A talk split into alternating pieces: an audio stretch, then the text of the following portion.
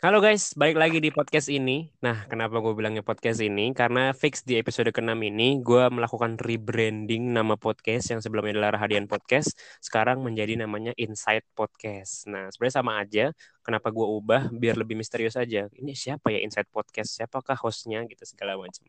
Jadi gue ubah jadi Insight Podcast. Oke, selamat datang di Insight Podcast. Dan di episode ke-6 ini, gue nggak sendirian. Gue menghadirkan salah satu kerabat gue, sahabat terbaik, teman terbaik gue dari zaman SMA. Langsung aja kita sambut ini dia Jasmine Fatin. Halo. Asik. Asik. Halo, gue Jasmine. Uh, gue temennya Hafiz. Mm -hmm. Ya, kan tadi dikenalin. Gue temennya Hafiz. Sekarang sama-sama masih kuliah juga. Ya nggak? Oke, okay, sip. Kita seangkatan ya. iya, kita seangkatan. Gue sama Jasmine ini seangkatan. Kita di SMA temenan sekelas. Sama-sama anak bahasa. Dulunya. Terus sempat satu organisasi juga di OSIS dan akhirnya kita pisah di kuliah. Kuliahnya gua kebetulan di UPN Veteran Jakarta, jurusannya il S1 Ilmu Komunikasi dan Jasmine jurusannya adalah komunikasi di di, eh, di Sekolah Vokasi IPB. Sekolah Vokasi IPB. Iya, betul. Oh, ini alasan gue menghadirkan Jasmine di Inside Podcast adalah gue pengen ngebahas sesuatu perbedaan antara uh, tingkat sarjana dan tingkat diploma. Kebetulan karena sama-sama nih komunikasi, gue ini S1-nya, Jasmine ini D3-nya ya, Jas ya?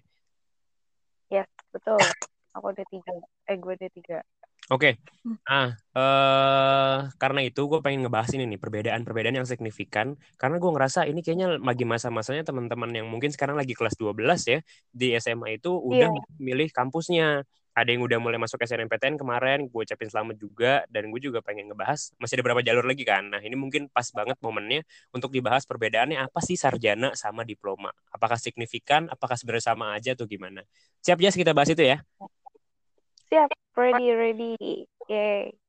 Oke, yang pertama Siap, nih, paling simpel. Gue pengen nanya sama lo nih, ter terkait dengan perbedaan di sistem pembelajarannya. Menurut lo sistem pembelajaran D3 atau diploma tuh kayak gimana sih?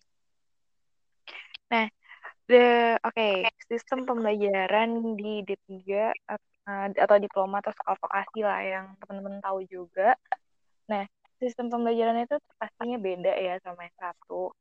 Uh, itu tuh salah satu perbedaannya adalah uh, bahwa di sekolah vokasi itu mengutamakan praktik karena dia itu memang uh, adalah sifatnya itu praktisi ya 60% praktek dan 10%-nya itu teori kayak gitu dan kalau mungkin kalau dia satu gimana itu uh, terbalikan ya kebalikannya ya gue. Bener banget kebalikannya. Justru malah kalau di S1 nih di sarjana ini itu hampir nggak ada praktikum. Maksudnya praktikum kalau kalau lo bisa bilang kan tadi diploma adalah 60% praktikum, 40% teori. Nah, mungkin kalau di iya. sarjana yeah. bahkan persentasenya itu bisa dibilang 80%-nya teori, 20%-nya praktikum. Karena sejarang itu kita ngelakuin praktik. Jadi lebih lebih banyak pembelajaran di kelas gitu kan segala macam. Karena kalau di sarjana ini sistemnya kan SKS ya kalau di gua nih ya terutama di UPN Veteran Jakarta ini sistemnya SKS. Jadi uh, satu mata kuliah itu biasanya 2 sampai 3 SKS. Nah, SKS itu apa? SKS itu kayak jar apa uh, durasi pembelajaran gitu loh. Satu SKS itu sekitar 45 menit apa 50 menit gitu gua gua nggak gua kalau nggak salah inget. Jadi sistemnya itu belajar di kelas aja full, kebanyakan di teorinya. Jadi kita lebih kuat di teoritis, kita lebih kuat di analisisnya. Kayak gitu sih kalau sistem pembelajarannya. Kalau lu berarti uh, praktikum ya, Jess ya? Iya, gue praktikum. Jadi emang ya namanya ya memang sekolah vokasi itu atau diploma memang bersifatnya itu praktisi. Jadi dia memang 60 persennya itu praktik dan 40 persennya itu teori. Nah tadi kan ngebahas tentang SKS ya. Nah kalau anak sarjana pasti SKS tuh milih ya nggak sih? Iya, kayak iya. ya kan?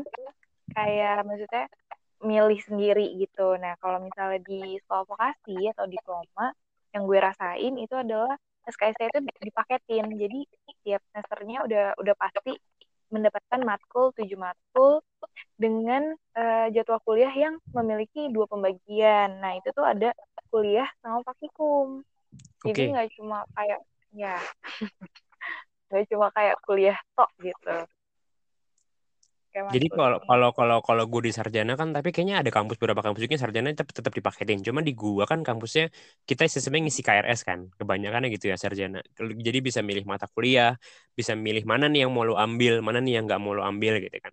Nah, kalau di di diploma lu berarti udah dipaketin ya dari kampusnya. Udah nggak bisa milih apa-apa lo Iya, ya. nggak bisa. Jadi ya udah pasti gitu mata kuliah yang gue dapetin ya itu gitu di semester ini itu gitu. Terus dengan pembagian waktu ada praktikum sama kuliahnya. Nah, durasi deh. Jadi gak tau sih kalau lo gimana nih nanti jadwal kuliahnya. Nanti gue juga pengen tahu. Kalau gue jadwal kuliahnya itu ada praktikum sama kuliah. Jadi kuliahnya itu cuma 50 menit dan sedangkan ada jam praktikumnya itu ada sekitar 4 jam. 4 jam gitu. Jadi Hmm. itu deh. Jadi tugas-tugas yang tugas-tugas diberi, diberikan saat itu juga terus kayak ya harus dikumpulin saat itu juga gitu. Nah, lu tuh gimana tuh jadwal kuliah? Ada nggak sih kayak gitu? Kalau di gua karena karena karena milih tadi, jadi sistemnya adalah satu hari pembelajaran nih, satu hari full itu ada empat sesi gitu. Dengan Hmm. masing-masingnya itu jadi totalnya itu sekitar 3 6 12 SKS sehari. Maksimal yang bisa lo ambil. Maksudnya eh, itu lo ngatur-ngatur gimana deh Senin sampai Jumat nih, gimana ngatur lo mau libur kapan segala macem gitu, atau mau sehari lo mau dua matkul atau mau eh, tiga matkul, empat matkul. Nah maksimal itu sehari empat matkul gitu, dan itu semuanya teori bener-bener teori aja di kelas. Jadi kayak lu anak SMA gimana sih sistem pembelajarannya juga lebih kebanyakan eh, dosen masih menerangkan terus juga nanti dikasih eh, kita dikasih buat bikin kelompok, kita diskusi, nanti kita juga presentasiin eh, materi yang kebagian di kita gitu. Misalnya satu mata kuliah ada ada 10 pembagian materi nih. Nah, kita di satu kelas dibagi 10 10 materi. Nah, itu masing-masing kelompok akan mempresentasikan materi itu. Jadi, gua itu ada kemungkinan bahwa per mata kuliah itu temennya beda-beda. Kalau gue gitu tuh sistemnya. Jadi temen gue Oh, beda-beda, oke. nggak nggak nggak nggak nggak nggak kayak yang kelas-kelas SMA gitu. Nah, kalau lu gimana? Nah, kalau gue tuh justru malah hampir sama kayak kelas SMA, temennya itu aja. Gak, te- gak temennya itu aja sih. Ya tapi eh, di setiap mata kuliah tuh sama temennya. Gak, gak pindah-pindah gitu loh. Gak kayak lo kan tadi tiap matkul temennya ketemunya beda lagi. Setiap matkul ketemunya beda lagi. Nah, sedangkan gue tiap matkul ya sama karena eh, udah sesuai kan kelasnya kayak gitu. Paling ya yang ketemu temennya itu karena eh, gini. eh, di, jadi gue tuh punya dua kelas kelas praktikum sama kelas kuliah. Nah, kelas praktikum ini muridnya tuh lebih sedikit kayak murid kelas SMA gitu loh. Cuma 36 orang. Nah, sedangkan di kuliah ini tuh ada 72 orang. Nah, dua kali lipat, dua kali lipatnya lah gitu. Misalnya jadi kayak gue nih di angkatan gue ada kelasnya dari A sampai D. Nah, eh, kelas A itu punya dua, jadi A1 sama A2 itu kelas praktikumnya kayak gitu. Terus nanti pas giliran kuliah, udah kelas A gabung semua gitu sih. Jadi ya Oh, oke. tetap sih ketemu teman-teman, cuma ya memang intensitasnya nggak terlalu yang eh, random orang gitu. Gitu Oke, sih. oke. Terus eh Hmm. eh, tadi kan lu sempat bilang pers- persentasenya adalah 60 sampai Mm-mm. 60% praktikum, 40% teori atau Iya. kuliahnya. Nah, itu berarti di di praktikumnya itu sistemnya gimana? Maksud gua itu 4 jam. Gila, 4 jam kan itu durasinya lama banget ya. Biasanya lu tuh ngapain aja 4 jam itu? Nah, 4 jam itu 4 jam itu banyak banget yang dilakuin dan memang sebenarnya sih 4 jam itu nggak nggak nggak selalu pas kayak praktikumnya 4 jam gitu nggak selalu nggak selalu kayak gitu tapi eh misalnya kalaupun cuma praktikum 2 jam atau 3 jam itu juga sebenarnya udah cukup gitu loh tergantung tergantung intensitas dari si mata kuliah itu sama ya memang keperluan dari tugasnya itu. Misalnya nih kayak misalnya gue waktu itu tuh pernah di mata kuliah eh, di mata kuliah oh fotografi waktu itu fotografi. Itu tuh eh, gue di- eh, disuruh foto namanya apa sih kalau orang tuh taunya? Eh, pokoknya foto jalanan yang kayak motor cepet itu oh, gue lupa deh namanya. Pokoknya motor cepet kayak iya, gitu. iya. nah ya pokoknya itulah. Mata kuliah fotografi yang dikasih waktu 4 jam. Nah dalam waktu 4 jam itu bener-bener jadi kayak lu di lapangan terus kalau udah milih fotonya yang mana terus presentasi. Dan itu bener-bener menurut gue 4 jam itu kepake. Dan memang ya cukup gitu loh. Nggak terlalu menurut gue nggak kelamaan nggak nggak terlalu boring atau segala macam. Enggak gitu. Jadi ya memang ya memang udah memang sudah pada porsinya gitu loh ya pertama misalnya sejam pertama lo nyari hunting foto terus kemudian di sejam selanjutnya lo uh, mulai uh, milih-milih foto segala macam presentasi ya, kayak gitu. Ya, intinya ya menurut gue pasti jam cukup lah kayak gitu terus kalaupun Karena... memang iya kalaupun memang kurang eh kalaupun memang kelebihan ya memang ya disesuaikan aja gitu loh Oke, karena kan gue pikir iya. gue aja dua setengah jam kalau teori doang di kelas nih kan udah bete banget bete ya kadang. Bersyukur itu kalau dosennya akan mengadakan kelas cuma sejam gitu. Dia udah bilang di awal kita sejam aja hari ini gitu. Terus bersyukur banget dan gue berpikir gila lu empat jam gitu praktikum. Ternyata lu bilang itu waktu yang malah pas banget ya sesuai dengan porsinya. Iya, iya. Bahkan malah bisa jadi kurang oh. tuh empat jam karena praktikum harus ke lapangan. Iya iya benar. Memang empat jam tuh juga ada yang kurang kayak gitu loh sebenarnya ya karena itu banyak kayak praktikum. Dan maksud gue kalaupun memang lo yang teoritis itu dua setengah jam itu menurut lo kayak kayak terlalu boring dan segala macam memang sih gitu. Makanya di gue cuma 50% cuma kan yang gue lihat ya memang uh, seorang sarjana kan maksudnya lebih harus teliti lagi dengan apa eksperimen dengan teori-teorinya kan. Jadi ya ya memang kelebihannya di situ mungkin ya nggak sih? Iya benar benar benar benar. Oke oke udah mulai udah mulai nangkap nih perbedaan yang cukup signifikan di awal dari sistem pembelajaran ya yang kita bahas gitu di di iya, episode kali ini. Nih lanjut Jas ke iya. pertanyaan selanjutnya nanti gue juga bakal sharing dengan pertanyaan gue yang ini. Kalau tentang iya, kelebihan kekurangan atau kenikmatan dan keresahannya gimana nih selama lo di diploma?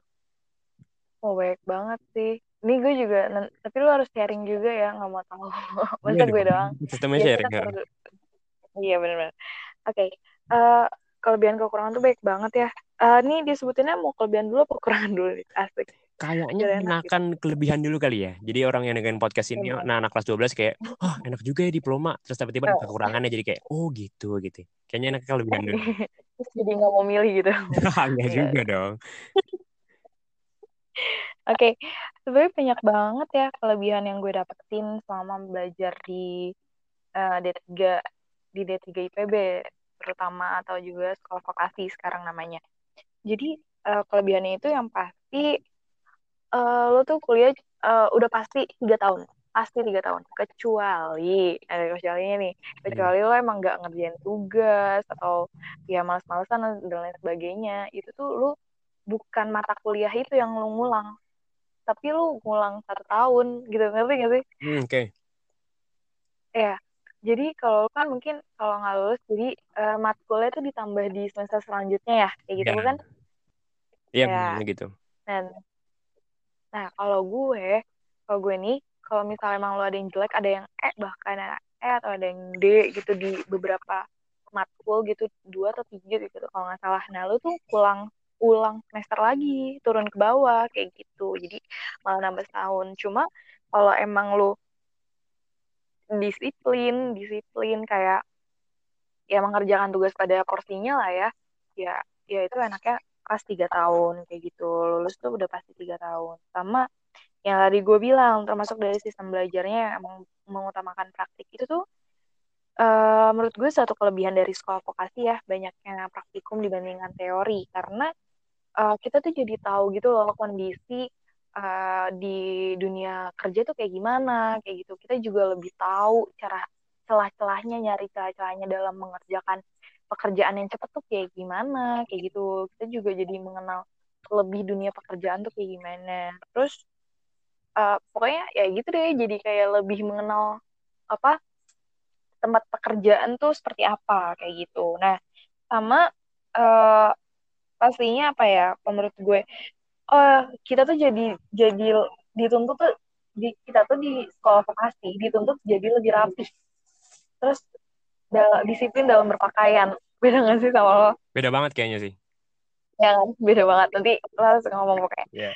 nah beda banget kan? Kalau gue ini jadi ada namanya SOP jadi kayak ada peraturan gitu dalam berpakaian itu tuh harus pakai celana pakai celana apa celana kantoran gitu deh celana kantoran celana bahan. Celana bahan terus sama kemeja. Itu sebenarnya yang wajib terus sama pakai sepatu ketutup gitu. Nah menurut gue dari peraturan itu kita tuh jadi disiplin disiplin sama berpakaian disiplin waktu juga karena memang banyak ya praktikum banyak banget sih kelebihannya kayak gitu. Kita juga lebih mengenal dunia kerja terus juga ya lebih menurut gue lebih ya lebih banyak banget kenal tentang pekerjaan kayak gitu sih Oke, berarti karena emang sebenarnya D3 atau diploma itu kan terapan. Jadi memang disiapkan untuk uh, langsung siap bekerja ya. Intinya gitu nggak sih? Eh, iya, iya, iya. Lebih kayak gitu. Lebih kayak gitu. Karena ya itu yang gue bilang.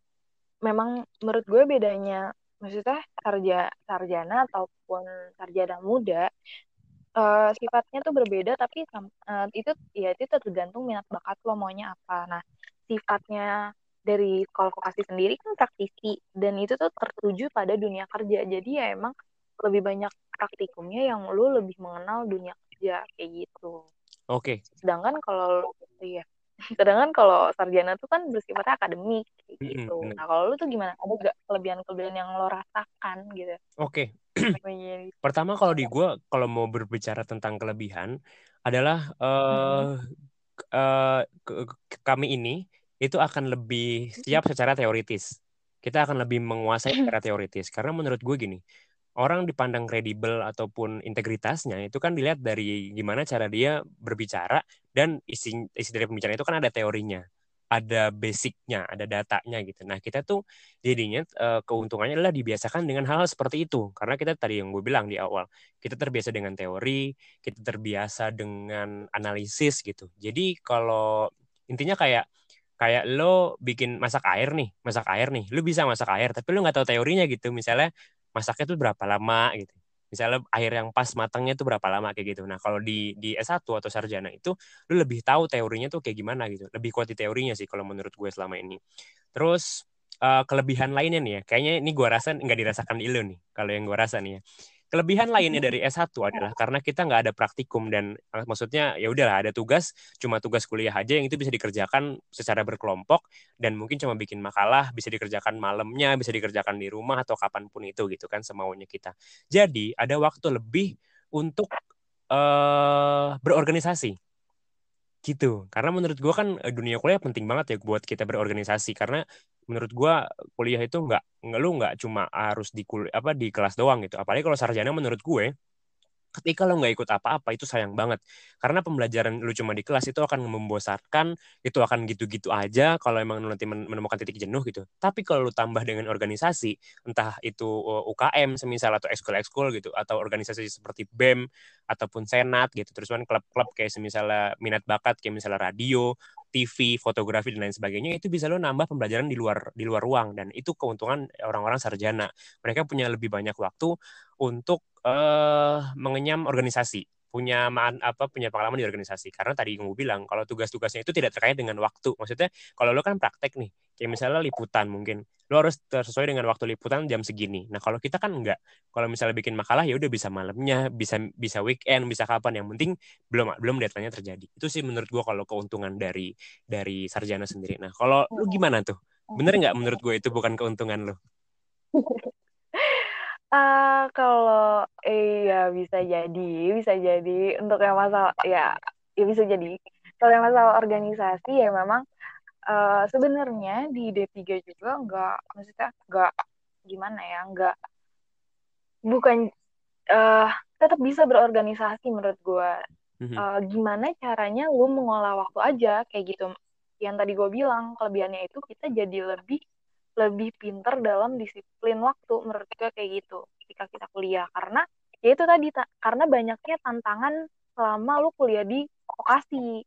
Jadi uh, vokasi karena banyaknya praktikum lagi gimana caranya lu juga mau ikut organisasi. Nah di situ tantangan lo buat menyiapkan waktu. Dan karena menurut gue banyak juga teman-teman gue yang di vokasi itu maksudnya nggak mm, maksudnya bahasa kasarnya nggak miskin organisasi gitu nggak malah kayak dia banyak banget ekspor yang maksudnya dari vokasi juga sering banget rapat-rapat ke IPB kan gabungan ya sama IPB S1 kayak gitu-gitu. Terus bikin event-event tuh banyak banget sebenarnya dari dari UKM-nya yang bikin event maksudnya acara musik dan lain sebagainya BEM-nya juga aktif kayak gitu menurut gue.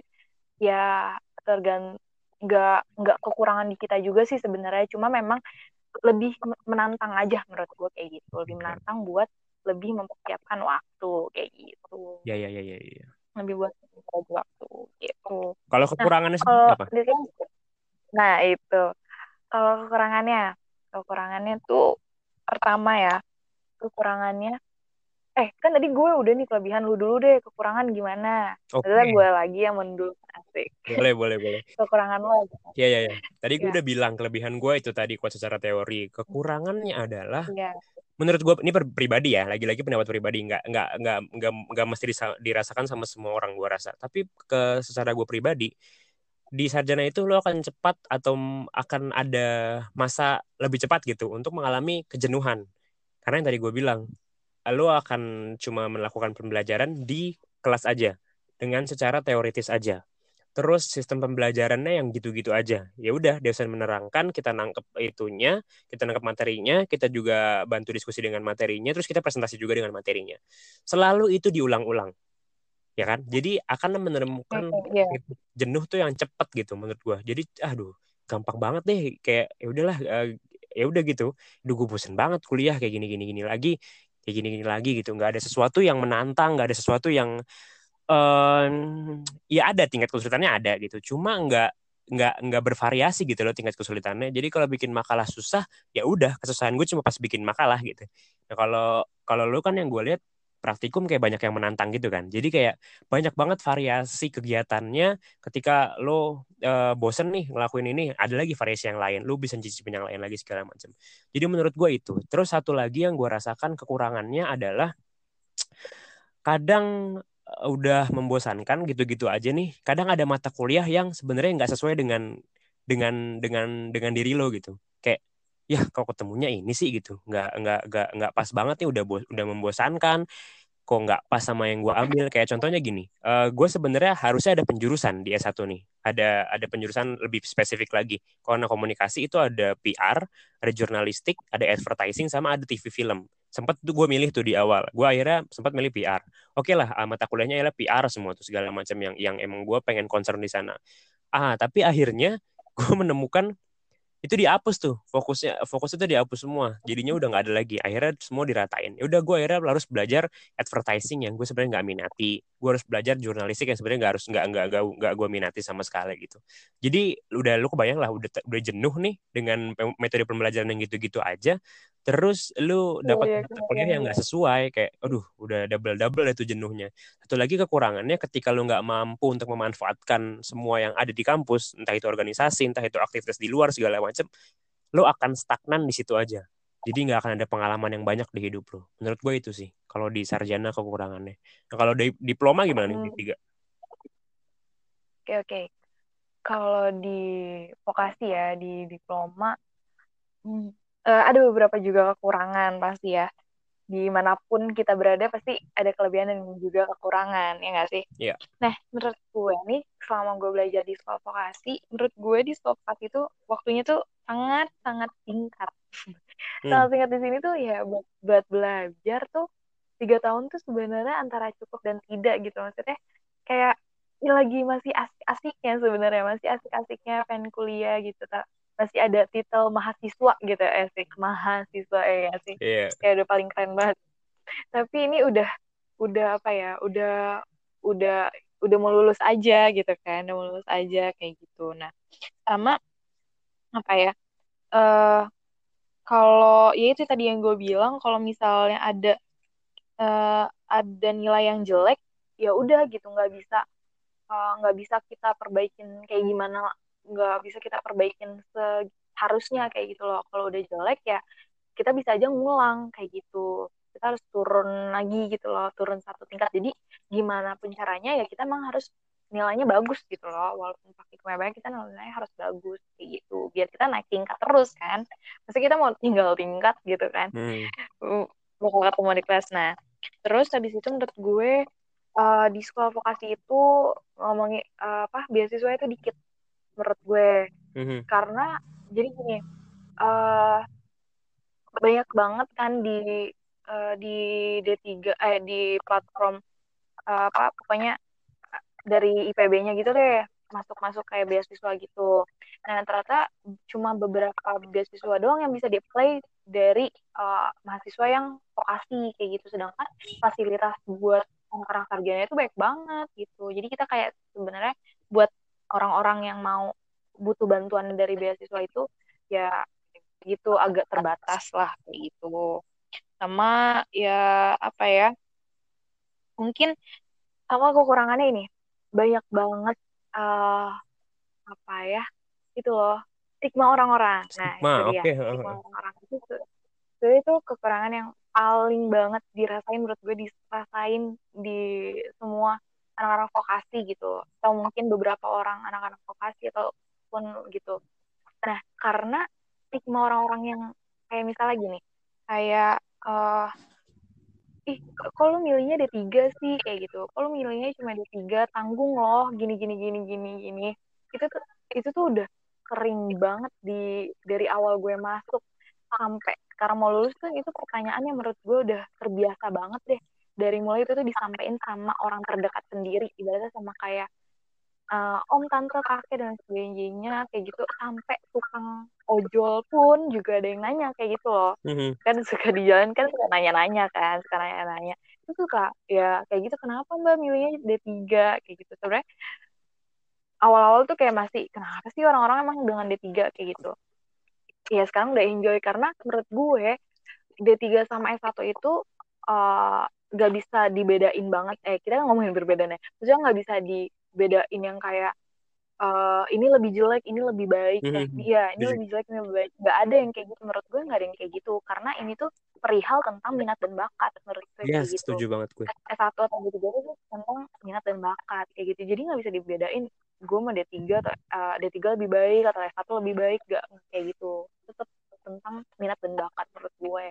Jadi uh, dari jenjang D3 dan S1 ini sebenarnya sama-sama sama-sama nuntut ilmu kan. Iya.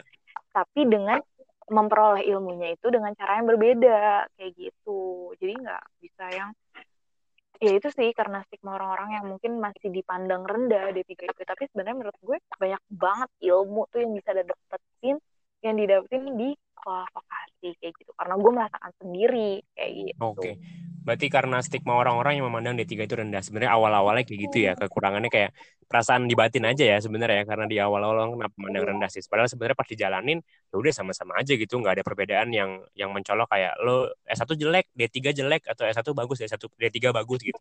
Sebenarnya nggak ada kayak gitu ya. Nah, nyambung sama omongan lo yang ini dan terakhir juga buat pembahasan kita hari ini, kira-kira kesan dan pesan lo nih buat uh, selama di diploma tuh apa?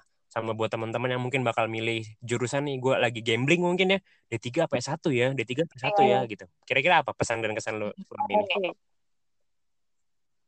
Tapi lo juga dong, masa gue doang? Yes, ini kan kita sistemnya sharing ya. Berarti kita akan dong, lu yeah. nanti nyampein, gue juga akan nyampein gitu kan. kan kita bahas perbedaan S1 dan curang lagi. Maksud gue ntar lo curang lagi. Yang lo curang kan, gak mau ngasih. Ya udah udah oke. Nah menurut gue kesan kesannya itu adalah kesannya yang pertama uh, pas pertama kali gue masuk sekolah vokasi itu hmm, seru seru. Kesan pertama tuh seru banyak banget ilmunya banyak banget pengalaman-pengalaman di dunia kerja yang udah gue alamin. Mungkin yang banyak orang belum ngalamin itu tapi gue udah mengalami itu banyak banget. Terus lebih banyak tantangannya. Di sekolah vokasi itu atau D3 banyak banget tantangannya disiplin waktu dan lain sebagainya. Itu kesan gue. Dan pesan menurut gue adalah apa ya jadi kalau mau uh, kalau mau kejar maksudnya kayak ya lo kalau mau kejar gelar kayak gitu-gitu ya gak usah lah buat apa kayak gitu. Karena menurut gue uh, apa ya karena sekolah tuh di mana di mana aja gitu kuliah tuh di mana aja. Ya tapi gimana caranya lu tuh meningkatin skill lo sendiri kayak gitu. Sama menurut gue uh, mau apa pun lo milihnya mau D3 mau S1 itu tergantung minat dan bakat lo dan keinginan lo mau maunya itu lebih ke praktik atau uh, lo itu lebih senangnya praktik atau lebih ke uh, literatur kayak gitu itu terserah lo kayak gitu jadi jangan membandingkan S1 atau D3 lebih jelek mana atau lebih bagus mana tapi gimana lo uh, minat dan bakat lo dan skill cara belajar lo seperti apa kayak gitu. Oke. Okay. Nah, jadi ada satu pesan lagi nih yang mau gue sampein buat teman-teman yang lagi dengerin Insight Podcast. Jadi jangan malu ataupun minder mau kuliah di D3 atau mau S1 itu sama aja. Karena yang nentuin kita jadi apa setelah lulus atau 10 tahun ke depan itu bukan di mana kita, tapi gimana kita menjalankan itu semua. Oke? Okay? Itu pesan dari gue. Keren, keren, keren, keren. Luar biasa. Tepuk tangan lu teman-teman semuanya di rumah boleh sambil tepuk tangan ya. Oke, kalau gitu gue sambung langsung nih ya di kesan-pesan gue sesuai dengan permintaan lo tadi ya, lo selalu minta-minta nih ya, biar adil. Jadi, kalau dari gue kesannya uh, pasti sangat menyenangkan menurut gue ya karena gue sering sharing sama lo juga gue rasa D3 S1 sama-sama menyenangkan pasti ada plus minusnya jadi gue ngerasa kesannya dunia perkuliahan sangat luar biasa. Karena ini adalah waktu lo untuk mengeksplor diri lo ini adalah waktu lo untuk uh, tahu jati diri lo sebenarnya kayak gimana lo waktunya untuk membangun relasi waktunya lo menambah pengalaman sebanyak-banyaknya. Karena ini adalah titel lo terakhir sebagai siswa yang ditambah titel maha di depannya jadi mahasiswa.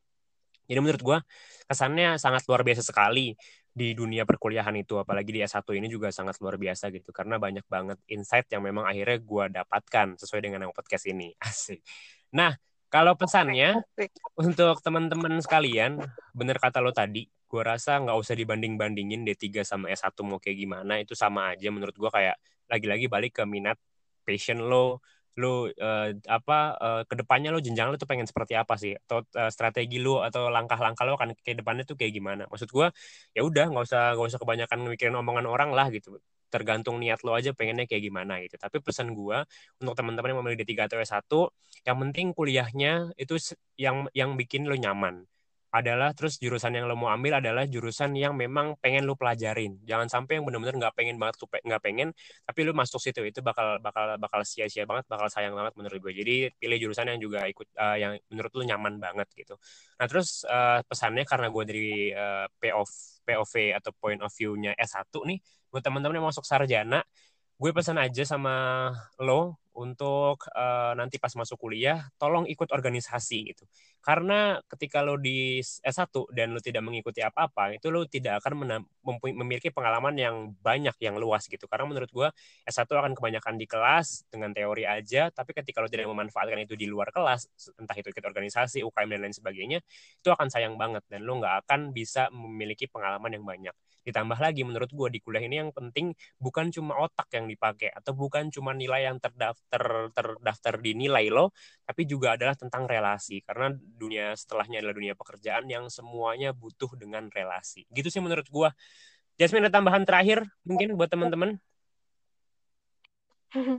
buat teman-teman pokoknya selalu dengerin Insight Podcast ya karena bakal banyak banget insight-insight yang kalian dapetin. Oke, okay, Jasmine terima kasih banyak sudah mau kolaps di Insight Podcast. Makasih banget. Iya. Sama-sama. Uh, gue seneng banget akhirnya kita bisa kolaborasi membahas hal ini karena udah lama banget ya kita diskusiin kayak kapan ya, kapan ya, kapan ya. Dari dulu waktu kita yeah, yeah. ketemu nggak belum jadi-jadi, eh keburu ada corona seperti ini akhirnya kita melakukan kolaborasi jarak jauh.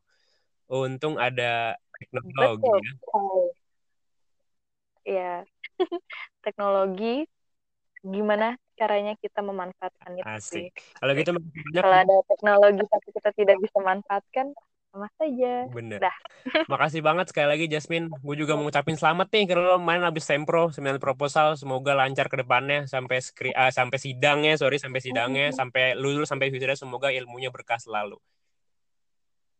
Amin ya Allah. Terima kasih juga gue sudah diajak sharing bareng di Insight Podcast. Oke, okay, thank you Jasmine kalau gitu sampai teman-teman uh, Insight Podcast. Terima kasih sudah mendengarkan sampai akhir dan sampai ketemu di episode-episode selanjutnya. Kalau begitu gue Rahadian Hafiz dan teman gue Jasmine Fatih. Pamit undur suara sampai ketemu di episode selanjutnya. Assalamualaikum warahmatullahi wabarakatuh. Bye bye. Bye bye.